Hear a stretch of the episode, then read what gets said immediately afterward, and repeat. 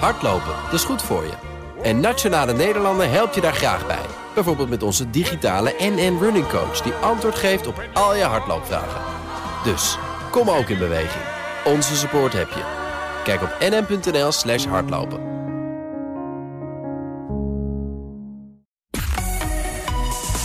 BNR Nieuwsradio. Bouwmeesters. Geert-Jan Haan. Ik snap er niets van. Echt niet. Ik heb de hele week allerlei artikelen gelezen over hoe de Nederlandse woningmarkt in elkaar steekt. Het parlementair onderzoeksrapport Huizen uit 2013, dat kan ik inmiddels dromen. Idem voor een gezamenlijk plan van woningcorporaties en makelaars en Vereniging Eigen Huis uit volgens mij 2012, dus acht en negen jaar geleden. Met allerlei aanbevelingen. Maar de Nederlandse woningmarkt is na al die jaren nog steeds, volgens mij, wat die is, namelijk ondoorgrondelijk. En daarom gaan we in Bouwmeesters de boel verbouwen. En dat ga ik niet alleen doen. Dat lijkt me namelijk niet verstandig voor het Nederlandse woningbeleid. Maar ik doe het wel met Niek Vrieselaar en Maartje Martens. Welkom, fijn dat jullie er zijn hier in de studio. Niek, econoom bij Rabo Research. Ja bovenmatige interesse voor de Nederlandse huizenmarkt? Ja, klopt. Ja, eigenlijk zie je dat in Nederland die huizenmarkt en die economie ook ontzettend aan elkaar gekoppeld zijn. Hè. Gaat het goed met de economie, dan zien we vaak dat het goed gaat met de huizenmarkt. En andersom ook, gaat het bijvoorbeeld slecht met de huizenmarkt, dan werkt het ook heel erg door in de economie. En ja, dat kan elkaar heel erg versterken. Dus ja, als je de Nederlandse economie volgt, dan kom je al heel gauw ook bij de huizenmarkt uit. Ja. Even uit eigen interesse, heb je een koopwoning, een huurhuis? Een huurhuis. En in de vrije sector. Dus uh, ik ben een uh, aanzienlijk deel van, van mijn inkomen kwijt aan, aan huur. Maar gelukkig deel ik de, de kosten nu met een hele leuke vriendin. Dus dat scheelt. Oké. Ja, nou, maar dat is interessant, want daar komen we vast ook nog over te praten. Namelijk kosten delen. Ja. Dat maakt je al een stuk wendbaarder op die ingewikkelde huizenmarkt. Klopt, absoluut. Ja, nee, want inderdaad, uh, nou, voordat ik uh, samenwoonde, ja, was ik denk ik wel de helft van mijn inkomen kwijt aan, aan huur. Uh, dus dat was, ja, dus het is wel fijn dat, we nu onder, hè, dat ik nu ook wat kan sparen. Want we zijn wel van plan om er zijn er tijd een keer iets te kopen. Ja. Maar ja, maar er is niet heel veel aanbod, dus we zijn nog een beetje aan het zoeken. Nou, speciaal voor jou heb ik onder meer jou uitgenodigd om ons daarin te verdiepen. En ook Maartje Martens, welkom. Fijn dat je er bent. Uh, je bent woningmarktanalist, uh, werkzaam voor Housing Analysis. Uh, je hebt ook jarenlang aan de andere kant van de Noordzee gewerkt als onderzoeker vooral. Ja, um, de koopwoningmarkt. Ja, ja. en uh, je hebt dus gezien hoe de Nederlandse, maar ook um, uh, het Engelse beleid uh, zich ontwikkeld heeft in de loop der decennia. koopwoning, huurhuis? Ik woon in koopwoning. Ja. Nog een tweede huisje in Engeland? Of, nee. nee. Nee, nee, ik heb wel mijn eerste woning in Engeland gekocht, in Londen. En vier jaar later voor meer dan het dubbele van de prijs verkocht. Dus dat was mijn opstap op de Nederlandse woningmarkt. Oh ja, oké. Okay. Dus dat was mooie bekomstigheid. Ja. Nou, je luistert naar deel 1 van het tweeluik. Uh, maandag 25 januari, dan horen we de aanbevelingen voor de Nederlandse woningmarkt uh, uh, namens Maatje. vandaag, Niek, mag jij de boel op de schop gooien? Even een hele korte vraag, waarschijnlijk moeilijk om een kort antwoord op te geven. Maar hoe kijk jij naar het woningmarktbeleid dat er nu is? Ja, ik denk dat we eigenlijk al heel erg lang dat het beleid erop is geënt om eigenlijk het woningbezit te vergroten. dus we zien ook dat het is eigenlijk een beweging die denk ik al langer gaat. Dus ik ben zelf niet zo oud, maar van wat ik heb gelezen is dat natuurlijk echt al jaren 70, jaren 80 zie je dat eigenlijk politici ter linkerzijde zagen eigen woningbezit ook als een manier om, om zeg maar arbeiders te verheffen, om hen ook vermogen te laten opbouwen. Politici ter rechterzijde uh, zagen het als een mooie kans om uh, huiseigenaren, mensen wat minder afhankelijk te maken van de staat, want huiseigenaren hebben vermogen. Dus je ziet eigenlijk een, een in die decennia daarna een nou wel haast religieus naast, uh, najagen van eigen woningbezit. En daar komen heel erg veel trucs bij kijken. Bijvoorbeeld fiscale trucs. Ik denk natuurlijk nou, die hypotheekrenteaftrek die bestond al, maar die is wel nou, heel erg centraal, uh, staat die in de, zeker op de koopwoningmarkt. Maar ook ja, uh, zaken als de leennormen, hè, die als het even, als we zien dat de, de woningmarkt krapper wordt, als de huizenprijzen stijgen, dat je dan al heel vaak uh, gauw politici ziet zeggen, we moeten die leennormen versoepelen, zodat ja. mensen nog makkelijker weer aan een huis kunnen komen. En je ziet dus eigenlijk, ja, dat is heel erg gericht op eigen woningbezit promoten. met als gevolg ook dat je hele hoge huizenprijzen krijgt. En omdat de huurprijzen daar ook deels van afhankelijk zijn, zie je ook dat dat in elkaar doorwerkt. Dus hoge uh, koopwoningprijzen betekent vaak hoge huurprijzen. Maar ja, hoge huurprijzen betekent ook weer meer vraag naar koopwoningen. En dus weer hogere huizenprijzen. Vicieuze cirkel. Precies, en dan gaat het maar zo door. En maar maar ik, ik lees dan, hè, 2021 is net begonnen. Uh, Maartje, ik lees allemaal jubelberichten. We bouwen de hypotheekrenteaftrek af. We hebben de overdrachtsbelasting voor starters. En dit jaar hopen we weer flink wat huizen bij te bouwen. Nou, dan gaat het toch goed? Um, ja, gaat het goed? Gaat het goed? Ik, uh, ik, ik zie het niet. Ik zie het effect nog niet. Ik zie wat ik, het enige wat ik zie is dat er steeds meer starters zowel die de, een huurwoning zoeken of een koopwoning zoeken, het voor steeds meer starters het onmogelijk wordt om een woning uh, te bemachtigen. Ja. Dat is wat ik zie. Dus, dus wat er nu gebeurt, al, al die kleine aanpassingen, dat is eigenlijk een beetje, een beetje voor de bühne. Ja, ik weet niet wat, uh, wat men er echt mee hoopt te bereiken. Het is, ja, hoe moet ik het zeggen? Uh, uh, we zitten in een situatie waar het overheidsbeleid, de, de, prijzen blijven stijgen. En wat de overheid doet, is steeds beleid maken dat uh, het mogelijk maakt voor mensen om die hogere prijzen te kunnen betalen. Ja, ja. Bijvoorbeeld door uh, de leenvoorwaarden te versoepelen, door bijvoorbeeld tweede inkomens beter mee te tellen en dat soort trucjes. Ja. Maar dat leidt alleen maar tot hogere prijzen. Jullie zeggen steeds allebei trucjes. Jullie gebruiken allebei het woord trucjes. Ja, het zijn eigenlijk trucjes. Dus het, maar dan klopt het, fundament allemaal, toch niet? We weten allemaal dat dat uh, alleen maar leidt tot hogere prijzen. En ja. uiteindelijk leidt het ook tot een situatie waarop koopstarters uh, het niet meer uh, mogelijk is om nog een woning te bewachten. Of steeds minder koopstarters dat mogelijk is. En dat betekent uiteindelijk ook dat de hele keten die er. Want onze koopwoningmarkt is een doorstroomketen. Dat hebben we er ook van gemaakt eh, in de jaren 70. Even een terugval in de jaren 80, maar het is weer, weer een, keten. Betekent dat uh, als de één schakel in de keten wegvalt, de hele koopwoningmarkt in elkaar start. En ik denk dat die trucjes ook inderdaad wel bedacht zijn om dat gaande te houden. Dat men dat wel beseft. Maar uiteindelijk uh, kun je kiezen van gaan we inderdaad uh, door tot we ons wegen en laten we de markt imploderen. Of gaan we nu echt maatregelen nemen om woningen betaalbaar te maken voor zowel huurders als kopers. Nou, daarom nu zo het, het pleidooi van ja. Niek deze keer. Ja. Ik heb nog één, één, één vraag aan de hand van de actualiteit, uh, Maartje. Want over trucjes. We, we, gaan dan hypotheekrenteaftrek verder beperken. Maar heeft het dan zin als je het eigen woningforfait dan als dat ook omlaag gaat? Dat is dan toch ook een soort vestzak, broekzak trucje? Ja, nee, dat, is, dat is een deel van hetzelfde trucje. Maar van de andere kant, de hypotheekrente is zo laag dat dat effect van uh, de, de, is, is nauwelijks uh, aantoonbaar nog op de woningmarkt. Hypotheekrente heeft vooral zin voor ouders die bijvoorbeeld hun kinderen geld lenen voor zeg 4,5 procent. Dat mag dan. Ja, en dan ja. heeft het zin. Ik bedoel, dat kan, uh, kan je fiscaal zoveel mogelijk aftrekken. Maar gewoon via banken. En, uh, en het heeft ook zin voor leningen die uh, de tophypotheek financieren. Ja. Daar is de rente ook hoger.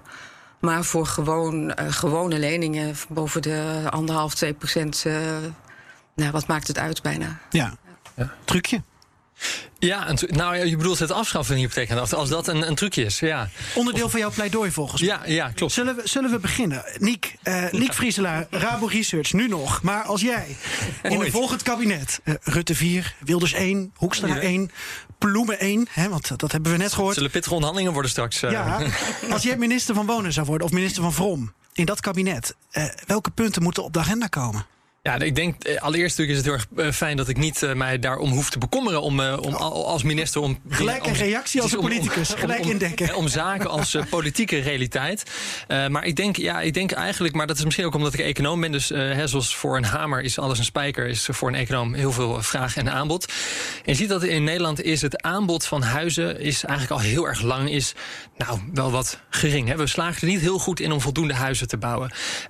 de vraag is daardoor eigenlijk altijd wel heel erg We hebben gewoon bevolkingsgroei, huishoudensgroei. We verdienen als Nederlanders ook de laatste uh, jaren ook wat meer. En dus de vraag naar huis is groot. Uh, sterker nog, er is een mismatch. We zien eigenlijk dat er meer vraag is dan aanbod. Dus die huizenprijzen stijgen, de, koopwoningprijzen en de huurprijzen.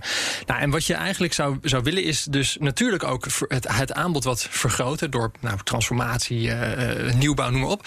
Maar tegelijkertijd willen we niet dat die vraag nog verder wordt opgezweept. Dus wil je eigenlijk die vraag ook een beetje, ja, misschien wat, wat, wat temperen, wat, wat, wat, wat, wat, wat, wat terug, terugbouwen. En ja, mijn voorstel zou zijn, en dat ik denk dat dat ook, nou ja, of dat politiek haalbaar is, dat weet ik niet, maar om eens te stoppen met het uh, ja, fiscaal bevoordelen van, uh, van bijvoorbeeld eigen woningbezit. En vooral ook, eigenlijk, we zien, hè, daar hadden we het net al over, dat het beleid heel erg er is op gericht om, ja, om eigenlijk wat Maartje heel erg scherp zei, om maar te zorgen dat uh, starters kunnen instappen om dan maar bijvoorbeeld de leennormen te versoepelen. Hè. En, tot, en, en, als de huizen dan daardoor nog wat duurder geworden zijn, nou dan versoepelen we nog een keer die leennormen. Hè. Of dan gooien we er nog eens een keer een jubelton tegenaf, zo'n belastingvrije ja. schenking. Nou, en, en dat zijn allemaal dingen die uh, uiteindelijk, als je een tekort hebt aan huizen, dan zullen er hoe dan ook mensen, uh, mensen eh, vooral starters, vaak buiten de boot vallen. Hè. Dus even, je... even puntsgewijs, dan gaan we een heleboel dingen dus afschaffen. Ja. Dus uh, startersleningen Ja, zou ik afschaffen. Uh, belastingvrije schenking voor een huis? Zou ik ook afschaffen. Hypotheekrenteaftrek? Afschaffen.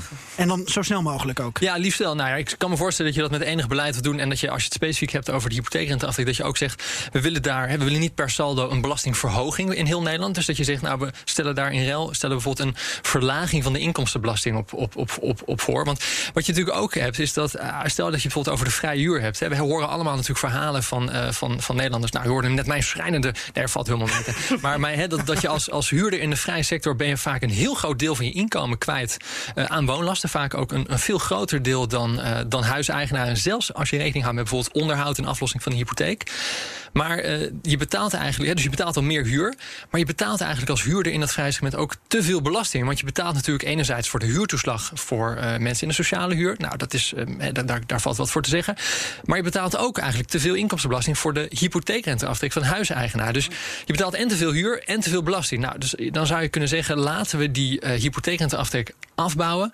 De inkomstenbelasting verlagen. En dan gaat werken ook wat meer lonen. Nou, dus je kunt misschien al een beetje horen welke politieke uh, kant ik dan dan, voor welke partij ik dan ja, misschien. of welke kleur. Nou, maar hè, dus dat zou een heel belangrijk voorstel zijn voor mij, omdat je dan eigenlijk dus die, die uh, ja, een wat meer gelijker speelveld creëert in eerste instantie tussen de vrije huursector en de koopsector. En laten we eerlijk zijn, de koopsector, ja, hebben die nou dat douceurtje nodig? Ik bedoel, Maartje gaf net al heel terecht aan, de rentes zijn ontzettend laag.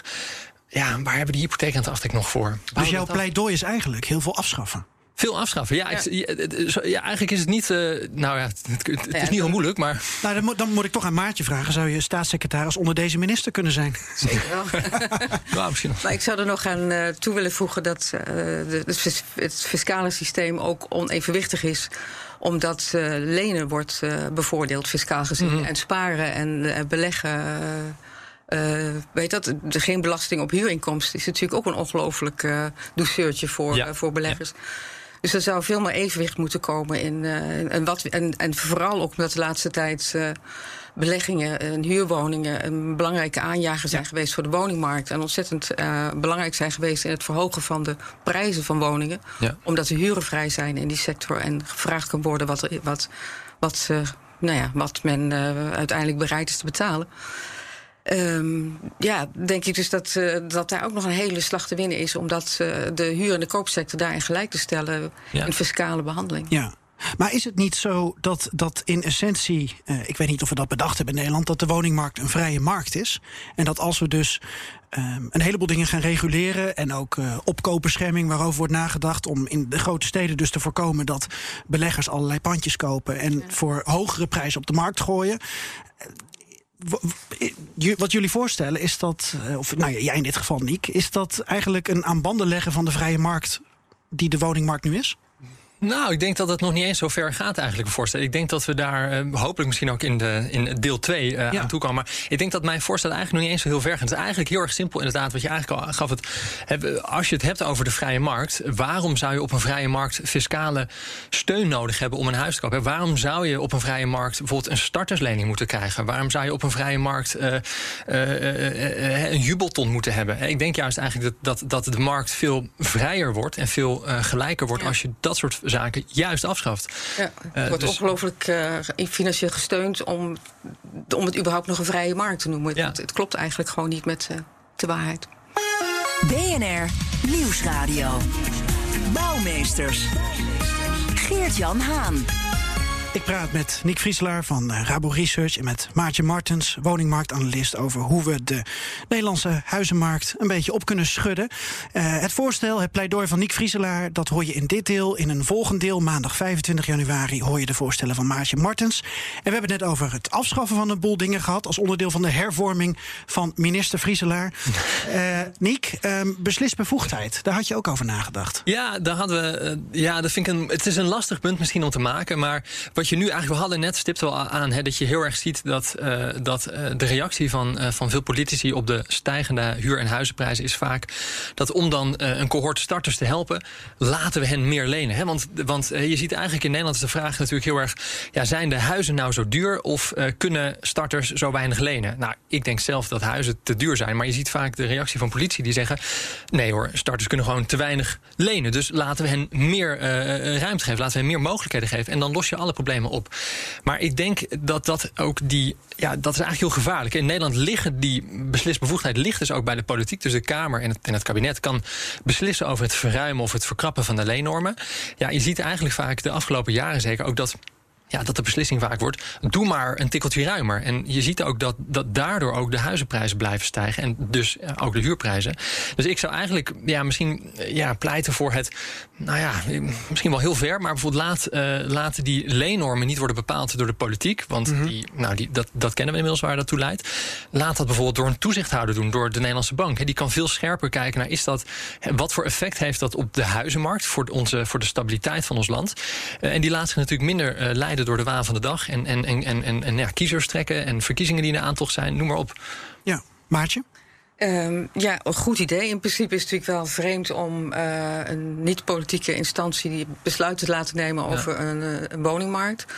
Maar in dit geval uh, juist inderdaad omdat politiek zich zo laat leiden door, nou ja, well ja, het pleasen van kiezers, kiezers op korte termijn, ja. korte termijn maatregelen en niet nadenken over de lange termijn effecten van, van die maatregelen denk ik dat het een goed voorstel is. Ja. Klinkt een beetje alsof je een soort uh, OMT. Uh, Outbreak Management Team voor de, voor de huizenmarkt krijgt. Dus tussen het RIVM en het kabinet zit een hele specifieke adviesgroep met allemaal deskundigen. En, en dan moet het kabinet daar naar luisteren, want dat doen ze nu ook natuurlijk. Ja. Nou ja, en de andere denk ik ook, ik weet niet of dat bij het OMT ook hoort, maar dat is wat de politiek zich ook wel meer, wat mij betreft, zorgen over mag, mag maken of wonen een, uh, heet dat, een, een, recht is. Of dat het echt uh, enkel alleen de beslissingen daarover uh, geleid kunnen worden door financiële rendement voor, nou ja, voor banken, voor beleggers, et cetera. Ja. Ik denk dat dat evenwicht een beetje zoek geraakt is in, in het hele debat. En dat zou ook wel. Ik zou niet zo gauw weten bij welke toezichtsclub dat zou kunnen zijn. Maar dat evenwicht mag ook wel terug. Want als je zo luistert naar het pleidooi van Niek, um, daar zitten onderdelen in waarvan jij zegt dat zorgt voor meer betaalbaarheid van de Nederlandse huisvesting. Dat uh, of je nou koper of huurder bent, dat je in ieder geval een plekje op de markt kunt krijgen? Um, nou ja, poeh, lastig te zeggen. Ik denk uh, dat. Geef alvast een voorzetje voor je pleidooi voor volgende week. nou, ik zou, ik, ja, mijn voorzetje naar voor, volgende week gaat vooral over de particuliere huurmarkt, denk ik. Omdat ik denk dat er veel meer regulering mogelijk is en nodig is om uh, dat, uh, dat wat meer, uh, dat, of wat minder dominant te laten zijn in de prijsbepaling van, van het aanbod van ook koopwoningen. Ja. Mm -hmm. En dat, uh, daar, daar valt nog een hele slag in te halen. En dat, dus uh, een betere relatie tussen huurprijs en kwaliteit van, van woningen, ook in de particuliere huursector. Ja. Een uh, toezichthouder voor, voor huurders in de, in de particuliere huursector waar ze naartoe kunnen. Een soort huurcommissie ja. die, uh, waar ze ook rechten hebben. weet dat er de korte huurcontracten die kunnen ook langer. Dat is uh, zoveel mensen die om de twee jaar weer op de schopstoel zitten en weer iets moeten zoeken en radeloos worden omdat ze weer de hele boel bij elkaar moeten pakken en ja. tegelijkertijd de studie moeten afmaken. Om, ja. En je werk aan het zoeken zijn. Je zegt dus eigenlijk dat repareer je. En, je zegt dus eigenlijk ja. dat repareer je niet met nieuwe trucjes. Want dit zijn, dit zijn fundamentele fouten. Fundamentele aanpak uh, voor nodig, denk ik. Ja. Oké. Okay. Nog even naar het pleidooi van uh, Niek. Uh, je hebt een aantal dingen genoemd. We hebben net over beslisbevoegdheid gehad waar je een voorzetje voor hebt gegeven. Staat er nog meer op je lijstje? Ja, nee, zeker. Nou, de, de lijst, ik zal de lezers niet vervelen met de hele waslijst. Je een groot departement maar, ja, Heel veel ambtenaren. Die nou, ja, nee, ik denk, nou, ik denk als je het ook hebt over die hypotheekrenteaftrek. Je ziet als je het. Uh, nou ja, we hadden het er net al over. Maar wat, wat doe je dan met het eigen huis als er geen hypotheekrenteaftrek meer is? En bijvoorbeeld misschien ook geen eigen woningwaarde voor ver. Nou, dan zou je dus ook erover na kunnen denken dat je zegt. En dat is wel een, een gewiekst trucje. Uh, noem ik van mezelf ook een trucje. Mm -hmm. um, dat je dus het eigen huis ook naar box 3 brengt. De box 1 zit hier nu, dat is het eigenlijk je huis is dus onderdeel van je inkomen. Dat is een hele gekke ja. uh, beredenering. Box 3 zit je vermogen. Nou, zou je zou zeggen, als je overwaarde hebt in je eigen huis, stop dat in box 3. Hè? Dus waarom, want, hè, want waarom zou je, als je bijvoorbeeld een ton spaargeld hebt, waarom zou je belasting moeten betalen? Maar als je een ton overwaarde hebt, niet. Hè? Behandel dat, ook dat gelijk. Want die fiscale gelijke behandeling, dat eigendomsneutraal, dat gaat natuurlijk veel verder dan alleen maar uh, uh, die hypotheek aan Het gaat ook hoe belast je vermogen. dus en dan zou je dus kunnen zeggen, uh, het huis in box 3.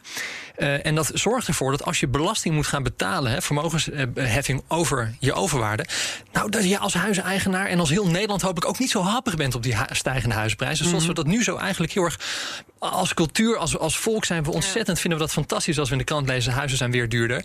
Maar dan ga je toch twee keer achter je oren krabben als je denkt over, over verdraaid. Dat gaat mij een hogere belastingaanslag opleveren. En ook dat hoeft niet per se te betekenen een hogere belasting. Per saldo zou dat kunnen betekenen dat je de belastingen gelijk houdt. Maar omdat je namelijk een, de belastinggrondslag wordt veel groter. Omdat er dus ineens veel meer vermogen in die box 3 komt. Mm Zou je het tarief naar beneden kunnen doen. Dus dat hoeft ook eh, voor de, uh, voor, de, voor, de, voor de luisteraars thuis die nu denken: ach, die man die stelt allemaal belastingverhoging voor. Hoeft niet per se een belastingverhoging te zijn.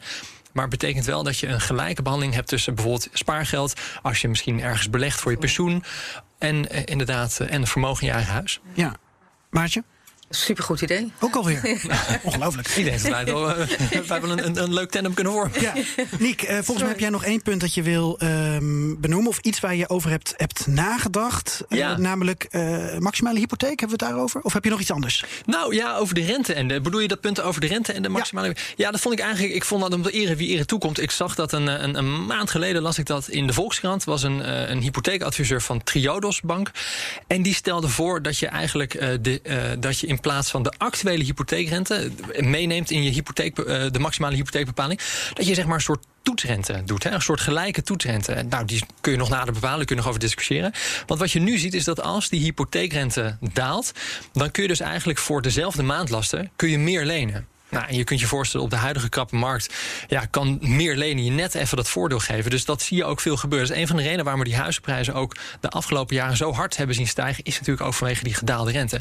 Maar dat zorgt natuurlijk voor enorm veel, ja, uh, ja dat, dat voor minder, eh, voor, voor instabiliteit. Hè. Dus als die rente daalt, gaan de hypotheken omhoog, gaan de prijzen omhoog. En, natuurlijk ooit als een keer nog de rente stijgt, gaan ook weer die hypotheek omlaag en misschien ook de prijs omlaag. En om even jouw pleidooi samen te vatten, jij, uh, of in ieder geval echt in het kort, jij hebt gekeken ook naar in jouw ogen uh, haalbaarheid. Dus het zijn niet allemaal ballonnetjes die je oplaat. Nee, ik heb echt inderdaad. En, en ik denk in een aantal dingen inderdaad. Bijvoorbeeld het, uh, het eigen huis naar box 3. Ik kan me voorstellen. En het afschaffen van de hypotheek af. Ik kan me voorstellen dat je daar. Uh, als, je het, als, als ik echt minister zou zijn geweest. Dat je, dat je dan ook te maken hebt met politieke realiteit, dus dat dat lastig is.